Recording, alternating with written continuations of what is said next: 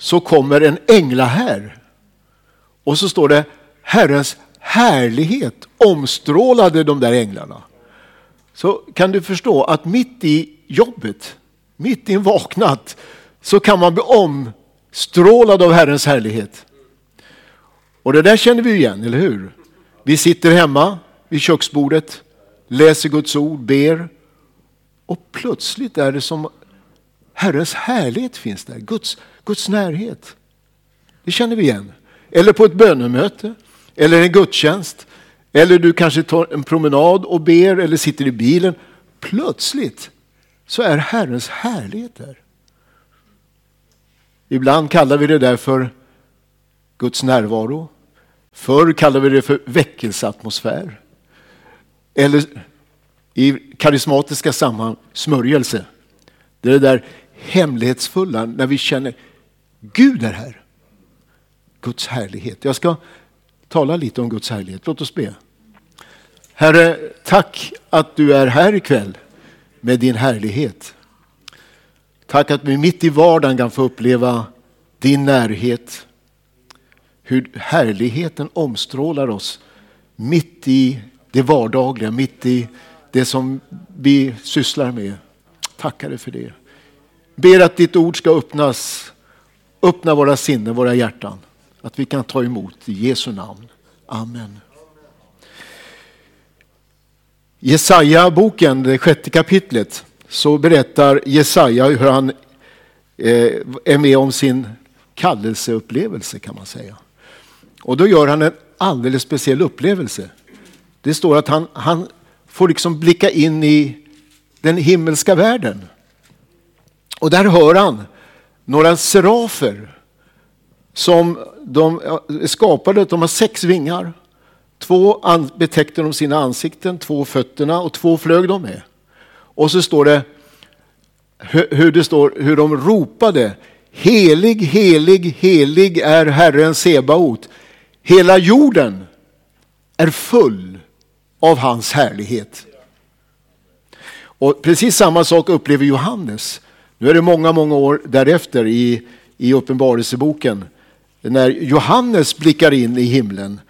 Eh, och det står i det fjärde kapitlet i Uppenbarelseboken när, när eh, han ser hur eh, han ser väsenden. Han beskriver dem på det sättet, också de med sex vingar. Och de säger dag och natt utan uppehåll. Helig, helig, helig är Herren, Gud den allsmäktige, han som var och som är och som kommer. Och lite längre ner läser vi, du vår Herre och Gud är värdig att ta emot pris och ära och makt, du har skapat allt. Genom din vilja kom det till och blev skapat. Hela jorden är full av din härlighet. Ja, det är väl inte riktigt det vi tänker när vi ser ut över jorden idag, eller hur? Vi läser om krig och strider. Vi har det på nära håll i Ukraina, vi har det nere i Mellanöstern. Vi har det på många andra ställen som våra medier inte delar om. Men vi har det i Afrika, vi har det i Asien, lite överallt så finns det strider och konflikter. Och man tycker, vad, vad är då Herrens härlighet? Du vet, mitt, i, mitt i allt det där så finns det, har uppenbara Gud sin härlighet. Det finns natur över hela världen. Och i naturen ser vi Guds härlighet. Gud, Guds härlighet finns i varenda blomma. Eller för vår del då i varenda höstlöv. Eller i varenda stjärna du ser. Så är Herrens härlighet. Och, och, och i Romarbrevet säger författaren att Guds eviga makt, hans gudoms härlighet. Allt det där kan förstås när vi ser naturen. Hela jorden är full av hans härlighet. Det här uttrycket härlighet, det är intressant. Ni som eh, läser Bibeln på annat än svenska, ni vet att i hebreiska så eh, används ordet kabod. Och det översätts med tyngd eller vikt, dignitet, ära, glans. Där har du det. Tyngd, vikt. I Nya testamentets grekiska så används uttrycket doxa. Precis samma sak, men Eh, på hebreiska. Översätts med glans, sken, prakt, skönhet, strålglans. Alltså det där hemlighetsfulla vi upplever när vi talar om Guds härlighet, Guds närhet.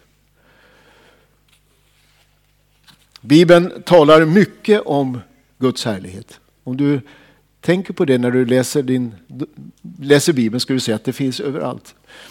Eh, när Stefanus, han som blev den första martyren, håller sin predikan, den sista predikan, ganska lång, vi har den upptecknad.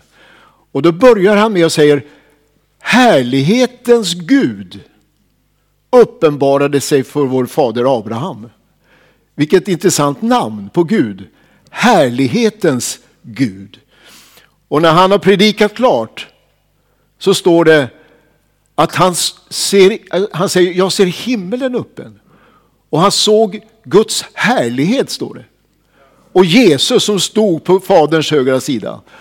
Och eh, annars så brukar vi ju läsa om att Jesus sitter på Guds Faders högra sida. Men nu står han upp, beredd att ta emot Stefanus när han alldeles strax ska komma in i den himmelska världen. Han såg Guds härlighet. Tänk att man kan göra det i dödsögonblicket. Se Guds härlighet. Guds härlighet. Så ber vi när vi ber bönen som Jesus lärde oss. Vi avslutar med din är makten och härligheten i evighet. Så det står att, att mm, härligheten fanns i skapelsen. Men så händer det där dramatiska när synden kommer in. Synden bryter sönder Guds härlighet och därför står det när vi är syndare, vi har alla syndat står det och är i saknad av härligheten från Gud. Så vi tappade bort den när synden kom in. Och, och det där kan du läsa om. Det, det blev eh, skillnad på relation mellan man och kvinna, mellan Gud och människa, i hela naturen. Allt rubbades när synden kom in. Men Guds härlighet och, och människan saknar därefter Guds härlighet. Men goda nyheter, genom Jesu död och uppståndelse så kan vi få uppleva Guds härlighet över våra liv. Och Guds härlighet strålar fram. Vi får del av hans härlighet. I sista bönen vi har, nej inte riktigt, för Jesus ber faktiskt på korset också. Men i Johannes 17 så har vi en lång bön av Jesus sista kvällen med sina lärjungar. Och då säger han att jag, jag ska, eh, Fader när jag kommer till dig så ska jag, jag ska ge mina lärjungar den härlighet som jag hade hos dig innan jordens grund var lagd. Jag ska ge dem den härligheten och den gav han genom sin död och uppståndelse. Jesu liv var ett liv som människa men också i härlighet. Du vet, i, Johannes 17 som jag nu citerade så säger han precis de där orden. Gud, ge, upp, förhärliga nu mig med den härlighet jag hade hos dig innan jordens grund var lagd. Så Jesus levde i denna gudomliga härlighet utan tillstymmelse av fläck av synd eller någonting, utan bara Guds helighet, Guds härlighet. Men så bestämmer Gud, sonen, sig för att komma till jorden och bli, människa, bli född människa. Och då står det, han, han fattade ett beslut och han klädde av sig sin gudomliga härlighet. Han blev en människa. Det var ett medvetet avklädande där Jesus avstod sin härlighet kom och blev en människa, precis som du och jag. Det finns en episod i evangelierna där Jesu härlighet inte kunde döljas riktigt. När han tar med sig några lärjungar upp på förklaringsberget. Då är det som att det bara gick inte att stoppa den. Alltså, för Jesus var 100% människa. Men han var också 100% Gud. Och där på förklaringsberget så så bara strålade det. Och, det, och, och de lärjungarna som beskriver det där säger att hans kläder blev vita som ingen som kan framställa kläder. Ingen kan göra så vita kläder. Och hans ansikte strålade som solen. Förstår du? Vilken härlighet. Det gick inte att dölja. Men strax efteråt gick Jesus ner och mötte nöden Och Petrus efteråt skriver i ett av sina brev. Vi såg hans härlighet när vi var med honom på det heliga berget. Vi såg det, härligheten, vi har själva sett det. Och sen efter sin död uppståndelse så går Jesus tillbaka in i denna härlighet som han alltid hade levt i. Och erbjuder oss denna eviga härlighet som finns beskriven i Uppenbarelseboken. Vi läste ju några verser där ur. Ordet blev kött och bodde bland oss och vi såg hans härlighet. En härlighet som den enfödde har av Fadern och han var full av nåd och sanning. Så står det om Jesus i Johannes första kapitel. Det är fantastiskt när Guds härlighet fyller oss. Det får vi uppleva genom frälsningen. När Guds ande flyttar in i våra liv. Det är det som sker när vi blir frälsta. Gud själv flyttar in. Den heliga ande får ett tempel i våra liv. Och du förstår när vi blir döpta i den heliga ande, när vi blir fyllda av den heliga ande. Det finns ett uttryck också i Bibeln om den heliga ande som heter härlighetens ande. Förstå vilken härlighet när vi upplever Gud själv flyttar in i våra liv. Med ett rent hjärta, ett ödmjukt hjärta och ett andefyllt liv. Då har vi förutsättningar för att kunna uppleva Guds härlighet över oss. Och som församling kunna uppleva hur, hur det övernaturliga livet finns där, Guds härlighet. Du förstår, det finns ju inget som går upp emot när vi möts tillsammans och vi känner Gud är här. Vi sjunger våra enkla sånger, vi ber våra be Men Gud är ju här. Vi, kan inte, vi byter inte bort det mot någonting annat. Eller hur? Andens gåvor, andens frukt, andens kraft, Guds härlighet. Tänk när Guds härlighet finns i församlingen. Platsen på jorden där Gud uppenbarar sin härlighet. Du har några bilder i Gamla Testamentet på det som idag är Guds församling. Du har eh, bilden av ett tabernakel, en, en gudstjänst, en, en mobil gudstjänstlokal som man bar med sig under ökenvandringen. Och Gud berättade för Mose, jag vill att du gör ett tabernakel och så här ska du göra. Och när vi läser det där, och jag har precis gjort det, jag håller på och läser i Moseböckerna. Det är så i detalj så att det är garn, vilka inslag det ska vara i kläderna och alltihopa. Och när Mose hade gjort precis så, om man hade rest upp det där tabernaklet, så står det så fantastiskt att Herrens härlighet kom och uppfyllde det där enkla templet, det mobila templet. På utsidan var det bara Tahas skinn, det var ingenting för världen. Men inuti var det Guds härlighet. Och det gick, för prästerna gick det inte att gå in där och göra tjänst. För Guds härlighet var så stark. Det är en bild på Guds församling. När vi lever med härligheten över våra liv. Och sen, mycket senare, när man hade kommit in i, i landet som Gud hade lovat dem och man började bygga ett tempel åt Gud sent om sidor. Och när man byggde det där templet, gjorde det efter det, den mönsterbild som Gud hade visat David och där allt var färdigt för invigning. Vad händer? Det står Guds härlighet uppfyllde templet. Också där står det att prästerna kunde inte gå in och göra tjänst för Guds härlighet var så stark. Jag vet inte vad, vad som, vad, hur det där yttrade sig, om de inte om de föll till marken av Guds härlighet eller vad det var som gjorde att de inte, men de kunde bara inte gå in. Så stark var Guds härlighet.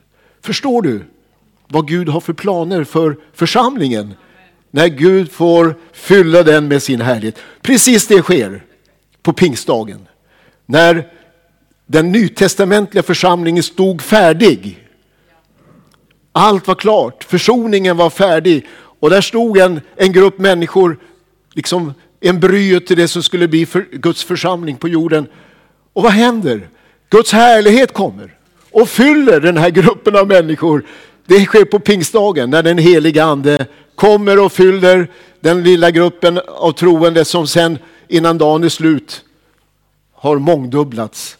Och så Guds härlighet som alla bara kände av. Vad är det här? Det är Guds härlighet. Mose han var nära Gud. Och det står att när han gick ner från sina möten med Gud så såg människor att han hade varit där. Det strålade om honom. Intressant. Han bar liksom med sig den där härligheten. Och, och eh, tydligen så var det, jag vet inte hur folk upplevde det, för han var tvungen att hänga någonting för sitt ansikte. För att eh, det skulle vara bekvämt för andra. Och dessutom så avtog det där med tiden.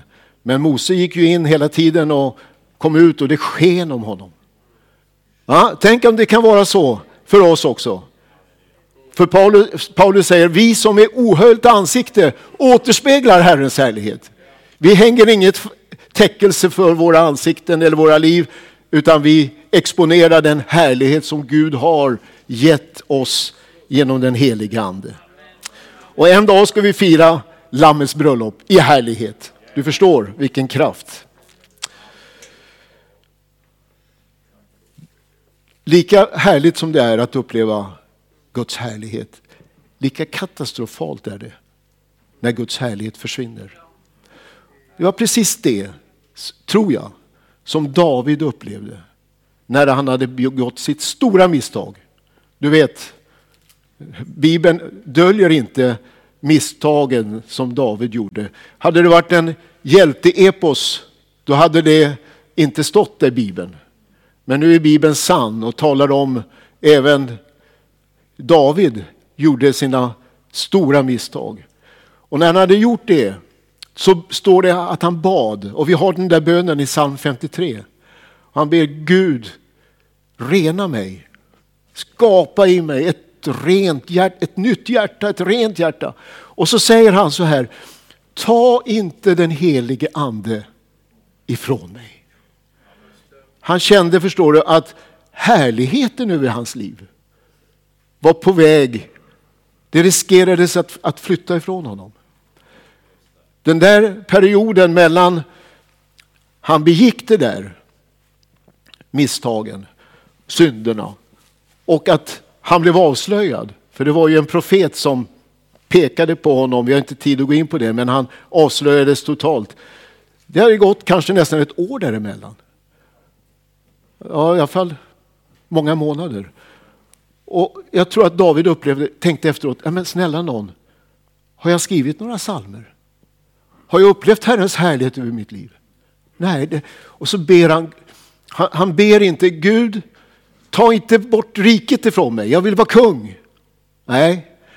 Herre, ta inte bort rikedomarna ifrån mig. Nej.